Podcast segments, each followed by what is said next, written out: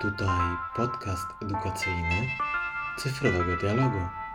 Nazywam się Krzysztof Jaworski i zapraszam na podróż przez rozmowę z Adamem Zielińskim, programistą Java, naszym przyjacielem, a także człowiekiem, który ma bardzo nietypowe i całościowe spojrzenie na świat programowania i świat nowych technologii.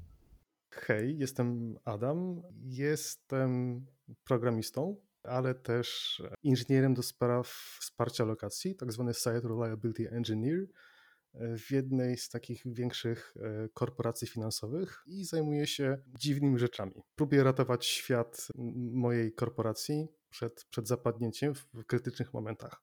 Co to znaczy lokacja? Lokacja generalnie to jako powiedzmy zbiór systemów, które, e, które działają w, naszym, w, nasz, w naszej firmie e, i które muszą działać prawidłowo dla, dla naszych klientów.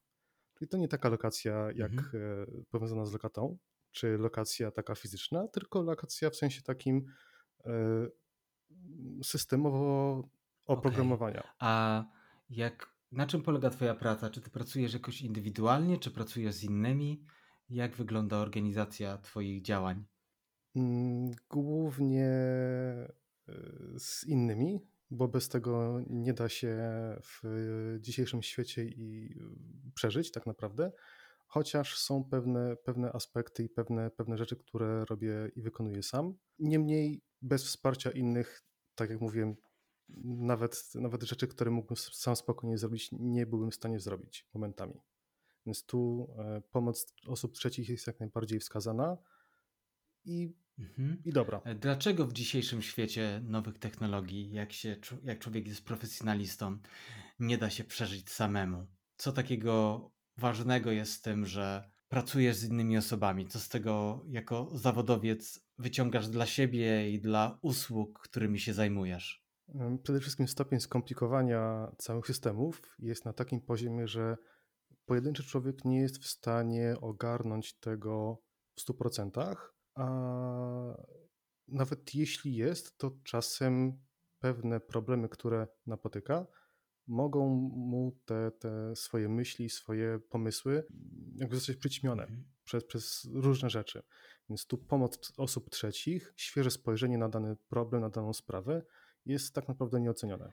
A czy macie jakąś metodykę, bo słyszy się czasami o metodykach zwinnych, jakieś podejście, które pomaga Wam taką współpracę, pracę zespołową organizować? Jak to e, u Ciebie, u Was wygląda? E, generalnie w firmie jak najbardziej Scrum mhm. E, i, i to, jest, to jest postawa. Niemniej akurat w naszym zespole SRE, czyli Site Reliability Engineer, to jest takie, no do Scrumu trzeba coś przewidzieć, mieć jakiś projekt konkretny. W, w naszym wypadku to jest tak, że my reagujemy na problemy bieżące i próbujemy im przeciwdziałać na bieżąco w danym momencie krytycznym, żeby mleko się nie rozlało. Czyli jesteście taką trochę sekcją e, też prewencji, czyli wyprzedzania pewnych sytuacji kryzysowych, które mogą nastąpić? E, dokładnie tak. E, część rzeczy, które wiemy na przykład, że już musimy poprawić, bo na przykład nie spełniają wymogów wydajnościowych e, czy zabezpieczeń, już teraz sobie jakoś tam rozplanowujemy i je powoli wdrażamy. Niemniej zdarzają się takie sytuacje, kiedy trzeba e, szyć na bieżąco. Okay. I twoją technologią e, zawodowego życia jest Java? Tak, tak, tak, tak. Stary, dobry kubek Java. Dobrze, kubek Java. Powiedz mi, jak długo zajęło ci uczenie się parzenia kubka kawy, żeby dojść do takiego momentu, w którym możesz pracować w takim teamie i jakbyś mógł też powiedzieć, y, jeżeli widzisz jakie etapy tego uczenia się, parzenia tego kubka kawy musiałeś przejść, żeby być w momencie, w którym teraz jesteś? Yy, ojej, mhm. to jest, mówiąc szczerze, trudne pytanie, bo e, tak naprawdę mm, wciąż się uczę. Bo to nie ma tak, że, że po prostu w pewnym momencie człowiek stwierdza, o ok, nauczyłem się Java i to jest wszystko ok. Tak samo jest z każdym językiem programowania de facto ale żeby do takiego e, momentu dojść, no troszkę mi, troszkę mi zajęło, oczywiście, bo to Java pojawiło się na, na moich studiach, przechodziła również przez mistrzów kodowania i w koniec końców dotarła tutaj, gdzie, gdzie jestem. No i to jest też jakby powiązane z tymi etapami, o których też wspominałeś. Początkowe etapy e, studiów, później pierwsza praca w, w jednostce publicznej, w jednostkach publicznych tak naprawdę, gdzie, gdzie też było trochę Javy, ale bez programowania, raczej z punktu widzenia administratorskiego. Później mistrzowie kodowania, gdzie tą Javą jakoś tak miałem okazję być bliżej, przez to, żeby móc ją przekazać e, młodzieży i nauczycielom. E, no i to mi dało jakby taki mm, stryczek do tego, żeby, żeby faktycznie się zająć już tak na, na stówę. I to był ten moment, kiedy, kiedy y, przycisnąłem faktycznie siebie samego i stwierdziłem, że no to jest ten moment, kiedy, kiedy trzeba coś tym, w tym kierunku zrobić, bo to jest fajne. Cieszę się, że wspomniałeś o mistrzach kodowania, bo to jest taki program, który też dla mnie jest bardzo bliski i znamy się z tej, z tej społeczności, niejedno przeżyliśmy wspólnie. Zastanawiam się, jak ty na niego dzisiaj patrzysz, właśnie z punktu widzenia miejsca, w którym jesteś, bo jak gdyby każdy z nas jest inny, każdy inaczej interpretuje i postrzega różne zdarzenia, różne sytuacje, różne doświadczenia, które miał w życiu. I jakbyś mógł tak sięgnąć do tej perspektywy, do tego spojrzenia na tą trasę mistrzów kodowania, jak ty to postrzegasz? Co ci to dało? Z czego korzystasz? Z takiego dzisiejszego już punktu widzenia, dojrzałego i ciągle uczącego się programisty? E, no, na pewno to były dobre wspomnienia, na pewno to był dobry okres e, i e, mówiąc szczerze, bez tego, bez tego okresu nie byłoby tego, tego pstryczka, o którym wspominałem. Więc, więc to, to mi dało, no właśnie to, że jestem tutaj, gdzie jestem. Dało mi taką, taki głód jednak dalszego dążenia i drążenia tego, co chciałbym zrobić i chciałbym robić. Więc to był taki krok milowy, jeśli chodzi o, o całą drogę moją tutaj do tej mojej obecnej pracy. A tutaj teraz z tej perspektywy obecnej i, i stosunku mojego do, do, do e, nauczycieli i, i, i dzieciaków, przede wszystkim jestem pełen szacunku do nich, jestem pełen nadziei, co, jeśli, jeśli o nich chodzi. I troszkę żałuję, że nie miałem takiej wiedzy wtedy, jaką mam teraz bo na pewno, na pewno e, wiele rzeczy inaczej bym przedstawił, wiele rzeczy inaczej, e, inaczej bym pokazał. I myślę, że to byłoby też, też e, bardzo nieocenione z perspektywy takiego stricte doświadczonego programisty, mhm. a nie tylko gościa, który coś tam sobie dłubał po godzinach i, i, i coś z tego robił. Mhm. Powiedziałeś o tej nadziei, i o młodych, młodych ludziach, którzy się rozwijają. Jak myślisz, co w edukacji ludzie, którzy się edukacją zajmują, nauczyciele, nauczycielki, edukatorzy, edukatorki, którzy nas słuchają, mogą zrobić, żeby nawet zajmując się takimi technicznymi rzeczami, które są skomplikowane, które są wymagające, tak jak uczenie się Java, można zrobić, żeby tej nadziei nie tracić, tylko żeby powodować, że będzie jej więcej, że ta przyszłość, która jest jednym wielkim wyzwaniem przed nami, potoczyła się pomyślnie dla tej planety, dla nas ludzi, ale dla wszystkich tych, którzy tą e, planetę zamieszkują. E, no, to też jest trudne pytanie i, i bardzo rozległe, mówiąc szczerze. Co by mogli zrobić? To dużo zależy od samych dzieciaków dużo zależy od samych dzieciaków, żeby e, one faktycznie e, chciały, faktycznie zrozumiały, na czym polega świat, na czym polega życie, mm, na czym polega rola, ich rola w tym życiu, ich rola w tym świecie, e, ich rola w tym całym równaniu wszechświata. Bo bez tego i bez chęci jednej strony, druga strona mogłoby sobie żyły wypróć, a, a, a, a nic z tego nie było. Mhm. Więc e, tutaj duża rola po stronie dzieciaków jest, rodziców jak najbardziej też, żeby nie było. Mhm. bo to też zależy e, od, od tego, żeby to e, rodzice pokazali, że no też muszą, muszą powiedzieć swoim dzieci- dzieciom, że to oni są nadzieją tej planety. No, no zdecydowanie tak, E, tak. No. Tutaj się odwołam troszkę do incepcji. Z- Zasianie w takim młodym człowieku tego, co on by chciał robić, jakoś to wzniecić, to jest y, główny problem edukacji, to jest główny problem dzisiejszego świata. I dotarcie do takiego młodego człowieka i pokazanie mu, właściwie może nie pokazanie, tylko uświadomienie mu, że świat stoi przed tobą otworem. Jedyne, co musisz zrobić, to wybrać ścieżkę, którą chcesz podążyć i leć. Mhm, Po mhm. prostu. My ci możemy w tym pomóc, my ci możemy wspomóc, ale to tutaj jak najbardziej od ciebie zależy, żebyś to ty w sobie wzniecił e, ten, ten ogień, ten żar i, i szedł dalej. Bo może to brzmieć trochę utopijnie, nie? Jak, jak, jak słuchacze, słuchaczki teraz słyszą rozwiń skrzydła, a jeszcze wcześniej była współpraca w grupie i zastanów się, co jest dla ciebie ważne. I dopiero potem wejdź w to działanie. I dla mnie też to było utopijne, ale był taki moment, który też jest naszym wspólnym doświadczeniem bo pewnego cudownego dnia w tej naszej przygodzie mistrzów kodowania wylądowaliśmy po tamtej stronie oceanu. I było nam dane w Bostonie przekroczyć progi słynnej uczelni MIT. I to był też dla mnie taki moment, w którym doświadczyłem, że to nie jest utopia, że ci, którzy e, tam są, to oni jasne, piszą o tym, ale w miarę prostym językiem. E, Mówią o tym też prostym językiem, ale to dalej jest teoria. Tylko, że oni tą teorię w skuteczny sposób przekuli na praktykę. I to jest dla mnie coś niesamowicie inspirującego cały czas.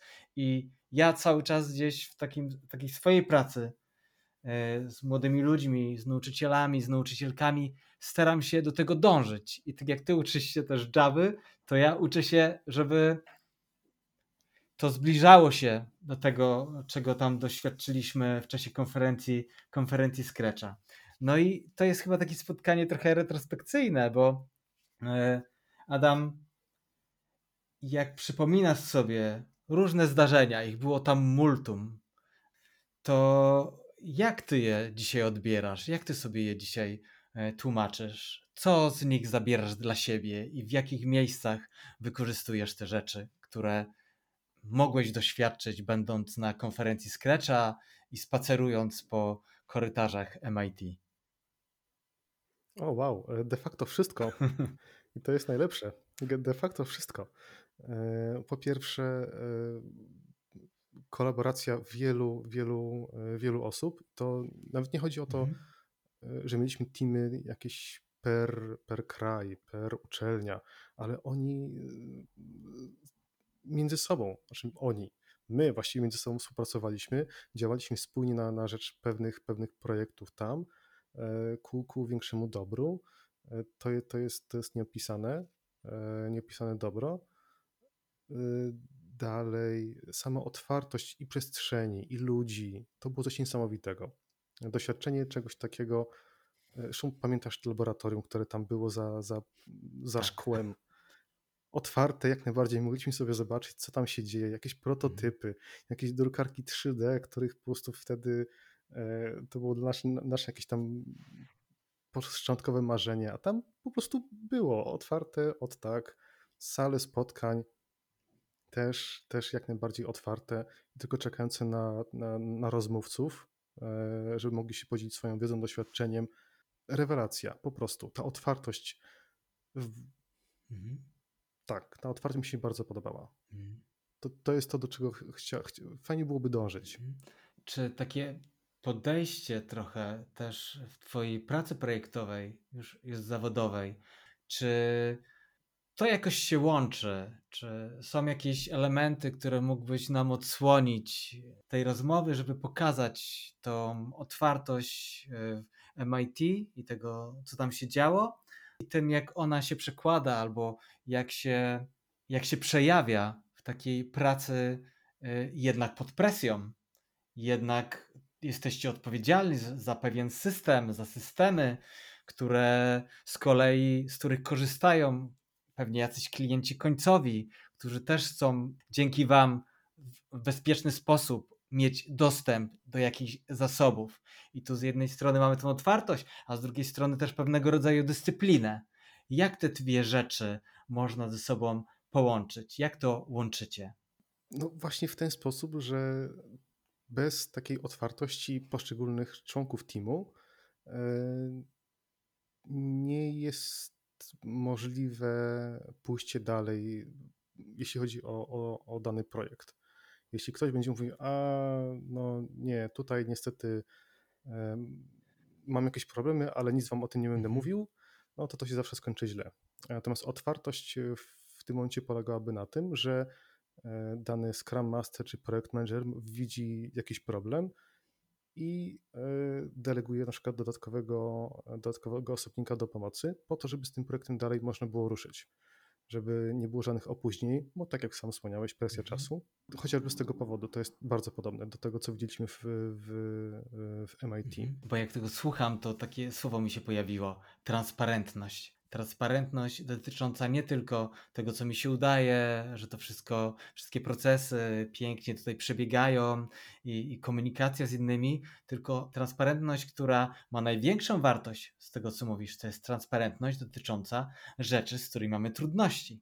Że, że właśnie one wymagają zaopiekowania i takiego pozwolenia też sobie, okej, jestem w teamie, wierzę w ten team, dlatego jak coś mi się wykrzacza albo widzę jakieś niebezpieczeństwo, niebezpieczeństwo to nie czekam, nie przesypiam tego, e, tylko po prostu wyjmuję i mówię, zobaczcie, mamy tu taki temat. To jest ciekawe też bardzo. Dokład, dokładnie tak. Druga strona transparentności jest jeszcze taka, że, że em, od czasu do czasu prezentowane są jakby kolejne etapy projektu stakeholderom, czyli ludziom, którzy na przykład od- odpowiedzialni są za, za tą aplikację, za, za, za ten projekt, którzy koniec końców będą jej używać. Albo oni są decyzyjni w sprawie tego, jak ona ma wyglądać, do czego ma konkretnie służyć. Więc taka transparentność też jest jak najbardziej wskazana. Kolejna sprawa transparentności, jeśli chodzi o takie nie stricte projektowe, ale w stosunku do tego, do tego gaszenia pożarów mojej, w mojej pracy, to też jest y, moment taki, gdy na przykład czegoś nie wiem o jakiejś technologii, powiedzmy częściowo tylko wiem o niej. I nagle natrafiam na problem, że oj, dobra, ja nie jestem w stanie na przykład nic wymyśleć, albo inaczej, albo daję sobie tam powiedzmy 5-10 minut na, na e, rozwiązanie lub e, rozkminienie problemu. Jeśli tego nie zrobię w ciągu 10 minut, ok, idę do gościa, który jest e, bardziej doświadczony w tym, ma więcej doświadczenia w tym. I w tym momencie, ok, wiem, że jeżeli, że na szczęście mam, mam takiego gościa, do którego mogę pójść, do którego, którego mogę spytać o, o zdanie, o pomoc lub nawet sugestie. I to już jest wystarczające. Czyli pełna transparentność. Tak jak mówiłeś, nie czekam do ostatniej chwili, aż problem zaczyna się nawarstwiać, tylko powiedzmy daję sobie jakiś tam fragment czasu, żeby sam móc spróbować go rozwiązać, a jeśli nie, idę po pomoc. Bo to już są takie etapy, kiedy, e, no powiem wprost, kiedy produkcyjne środowisko się Mhm. pali, nie czekasz zbyt długo. Mhm. Masz taką reakcję, ale też e, mówi się często, komunikacja to jest Tak. e, kompetencja przyszłości, Podstawa. ale też e, taka transparentność w komunikacji to też jest e, atrybut tego, co myślę, zawiera się w tym myśleniu o tym, że komunikacja jest kompetencją przyszłości, to znaczy czymś, co po pierwsze jest niezbędne i będzie niezbędne do tego, żeby radzi, radzić sobie w świecie przyszłości, ale też radzić sobie właśnie z wyzwaniami, które przed nami ten świat stawia po prostu. Nie? Dokładnie tak. I mało tego, nasz team leader cały czas powtarza, tłucze ludzi po e, młotkiem po głowach, że pierwsze co, jeśli zdarzy się jakiś incydent lub jakiś problem, e, wysłać informację do klientów, że mamy problem. Okej. Nie zacząć się najpierw rozwiązywać go, nie, nie, zaczynać rozwiązywać tego problemu, szukać e, dlaczego. Informacja, komunikacja to jest pierwszy Mhm. punkt, bo w tym momencie klienci nie będą się zastanawiali, co, że coś się dzieje i będą się zastanawiali, czy coś jest po ich stronie, czy po naszej stronie, czy może coś pomiędzy, tylko wiedzą, że u nas jest problem, My ten, my ten problem w tym momencie rozwią- rozwiązujemy i po prostu Mhm. wiedzą, że to będzie rozwiązane. A my w międzyczasie e, próbujemy gasić pożar. To powiem ci, że absolutnie nie miałem takiego założenia, że, tak, że to pójdzie mm, tymi torami kompetencji przeszłości, ale okej, komunikację mamy bardzo widocznie tu zaznaczoną. Mamy współpracę też mocno e, zaznaczoną już wcześniej. No i zostało nam tutaj jeszcze kreatyw kreatywność i krytyczne myślenie, czyli dwie rzeczy, które myślę też jesteśmy w stanie wyłuskać i pokazać, zobaczcie, w profesjonalnym zajmowaniu się technologią, coś, co wydaje się czymś miękkim, czymś niepołączonym, nagle się okazuje, że staje się czymś kluczowym dla tego, co wy robicie, żeby pewne rzeczy dowieść, żeby pewne rzeczy domknąć, żeby ci klienci chcieli z wami dalej pracować. To, to, to jest też takie, specjalnie to podbijam, bo jak się czyta w artykuły, książki, wiesz, tam 4C i tak dalej, no dobra, dobra, kompetencje przyszłości. A nagle się okazuje, to są kompetencje teraz, totalnie teraz potrzebne, nie? Bo jak mówimy też o teraz, to z jednej strony 4C, ale z drugiej strony też jesteś w branży i, i też na nią patrzysz na pewno, patrzysz jak się rozwija, w którą stronę zmierza i nie trudno mówić o przyszłości, która jest teraz bez sztucznej inteligencji i bez bardzo mocno rozwijającego się nurtu technologii, inwestycji, które z tym tematem są związane. I jak patrzysz na to, na Twoje doświadczenia, na, na Twój rozwój e, zawodowy, na pracę zespołów, z którymi pracowałeś, z którymi pracujesz, to jak ona zmieni specyfikę pracy takich zespołów jak Twój? Specyfi... No, mm, Okej, dobrze. E, Sztuczna inteligencja w naszym przypadku mogłaby posłużyć do e, automatycznego reagowania na jakiś mniejszy problem lub incydent i sama próbowała go załatać. To jest pieśń oczywiście przyszłości, ale to jest jak najbardziej do, do zrobienia. Jeśli chodzi o, e, o to takie bardziej popularne stwierdzenie, że e, sztuczna inteligencja zabierze, zabierze nam pracę, e, to jest taki kawał, że mm, oczywiście jak najbardziej jest taka szansa, ale kto wtedy musiał, kto wtedy rozmawiałby z członkami biznesu? I sztuczna inteligencja na pewno by tego nie robiła. Więc to jak choćby z, tej, z tego powodu e, jakby częściowo oczywiście ona by zautomatyzowała nas, naszą pracę bez, bez dwóch zdań, natomiast ona nie będzie w stanie, przynajmniej na tę chwilę, tak się wydaje, nie będzie w stanie robiła w znacznej części e, mojej pracy. Po prostu. E, Niemniej pewne rzeczy jak najbardziej chętnie bym zautomatyzował dzięki, dzięki SI. A samo podejście do uczenia się, do rozwoju nawet młodych ludzi, osób, które marzą, chcą w przyszłości zajmować się e, i pracować w branży IT, jak to wpływa na, na samą edukację? Co powinno się zmienić, kiedy wiemy, że ten temat sztucznej inteligencji tak mocno się e, rozwija? To jest też dobre pytanie, bo tutaj odpowiedziałbym troszkę nawiązując do takiego filmu Westworld i jego jakby spin-offu serialowego, gdzie są programiści behawioralni, którzy programują AI. I to jest też ważne, żeby umieć, będąc takim uczniem, rozwinąć sobie empatyczne, e, empatię po prostu. To, to, jest, to, to jest clue że w, tworząc mechanizmy, algorytmy, kolejne etapy sztucznej inteligencji, nie należy zapominać, że jednak głównym odbiorcą jest człowiek. Mhm. I to dla niego jest ten, ten, ta aplikacja, ten program, ten serwis, e, ta sztuczna inteligencja. Ona ma pomagać, ona ma go wspierać w, w, jakimś, tam, w jakimś tam działaniach i bez e, takiego empatycznego podejścia do, całej, do całego problemu, to to będzie tylko zbitek y, bitów, jeśli mogę tak to powiedzieć, i nic więcej, po prostu. Więc tak, no oprócz takich e, twardych umiejętności, e, uczniowie jak najbardziej powinni sobie rozwijać też te umiejętności miękkie i w tym e, na pierwszym miejscu stawiałbym empatię, Mhm. bo ona jest kluczowa w życiu społecznym w ogóle, a dla IT w szczególności, bo się o tym zapomina momentami. Mhm. Mam poczucie i się tym, z tym stuprocentowo zgadzam, że powiedziałeś o czymś, co jest niezwykle ważne. Bo powiedziałeś, mówisz o rzeczy, która według niektórych, jak ja słucham jakichś podcastów BBC profesora Stewarta o AI, który mówi, że to jest największa rzecz, wydarzenie, które powstało dzięki człowiekowi pod względem takim technologicznym, to jak gdyby kierujesz to na, na człowieczeństwo, nie? na bycie człowiekiem, na takie całościowe podejście. I tak sobie wyobrażam, że w tym jest szansa w takim podejściu. Czyli kiedy mówisz o sztucznej inteligencji, jej mocy, mocy obliczeniowej, tym, co za nią się kryje, to żeby pamiętać i wzmacniać tą moc bycia człowiekiem.